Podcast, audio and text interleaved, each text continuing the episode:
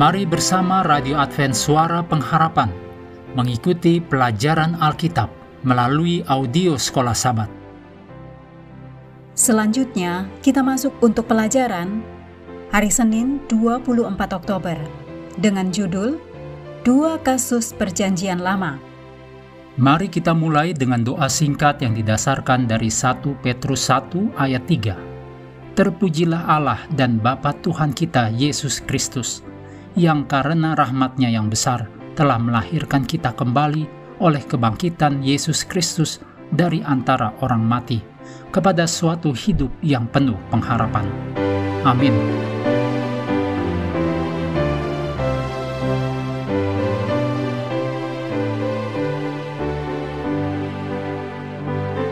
Dalam satu Raja-Raja 17 ayat 8 sampai 24 dicatat bahwa anak lelaki dari janda di Sarfat dibangkitkan oleh Elia. Dan dalam 2 Raja-Raja 4 ayat 18 sampai 37 dicatat anak lelaki perempuan Sunam dibangkitkan oleh Elisa. Dalam Ibrani 11 ayat 35 kita membaca bahwa dengan iman ibu-ibu telah menerima kembali orang-orangnya yang telah mati. Ayat di Ibrani ini adalah dua kebangkitan yang dicatat dalam satu dan dua raja-raja tadi.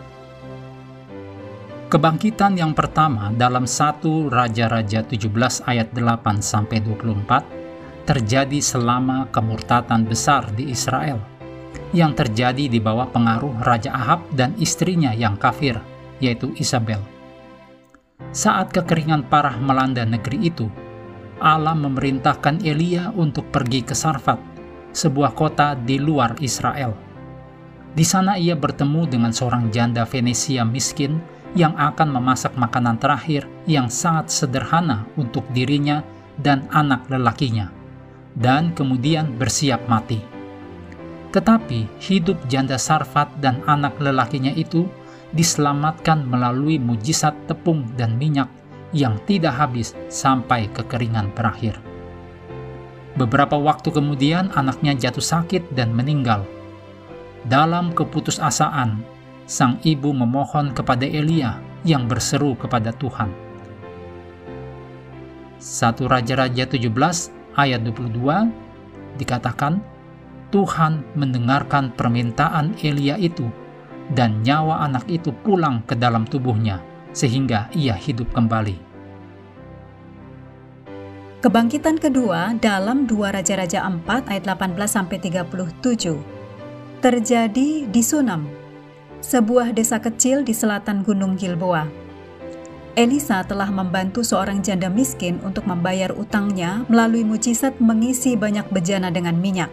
Dicatat dalam 2 Raja-Raja 4 ayat 1 sampai 7. Belakangan, di Sunam, Elisa bertemu dengan seorang perempuan terkemuka yang sudah menikah tetapi tidak memiliki anak. Nabi Elisa mengatakan kepadanya bahwa perempuan itu akan memiliki seorang anak lelaki dan itu terjadi tepat seperti yang dikatakan Nabi Elisa. Anak lelaki itu tumbuh dan sehat, tetapi suatu hari jatuh sakit dan meninggal. Perempuan Sunam pergi ke Gunung Karmel dan meminta Elisa untuk ikut dengannya untuk melihat anak lelakinya. Elisa terus berdoa kepada Tuhan, dan akhirnya anak lelaki itu hidup kembali. Dua perempuan ini memiliki latar belakang yang berbeda tetapi sama dalam hal iman yang menyelamatkan.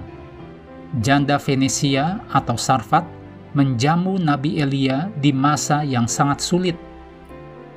Ketika tidak ada tempat yang aman bagi Elia di Israel, perempuan Sunem dan suaminya membangun sebuah ruangan khusus di mana Nabi Elisa bisa tinggal saat lewat di wilayah mereka. Ketika kedua anak lelaki itu meninggal, ibu mereka yang setia memohon kepada para nabi Allah itu dan bersuka cita melihat anak-anak mereka hidup kembali. Ini adalah kisah-kisah hebat, tetapi banyak kisah lainnya yang tidak mengalami hal yang sangat ajaib seperti dua kisah ini. Fakta yang menyedihkan ini mengajarkan kepada kita bahwa iman kita haruslah berpusat pada janji kebangkitan di akhir zaman nanti Mengakhiri pelajaran hari ini, mari kembali kepada ayat hafalan kita, Yohanes 11 ayat 25 dan 26. Jawab Yesus, Akulah kebangkitan dan hidup. Barang siapa percaya kepadaku, ia akan hidup, walaupun ia sudah mati. Dan setiap orang yang hidup dan yang percaya kepadaku tidak akan mati selama-lamanya. Percayakah engkau akan hal ini? Kami mendorong Anda untuk terus mengambil waktu bersekutu dengan Tuhan setiap hari bersama dengan seluruh anggota keluarga baik melalui renungan harian, pelajaran sekolah sahabat, juga bacaan Alkitab sedunia percayalah kepada nabi-nabinya, yang untuk hari ini melanjutkan dari 2 Samuel pasal 17. Tuhan memberkati kita semua.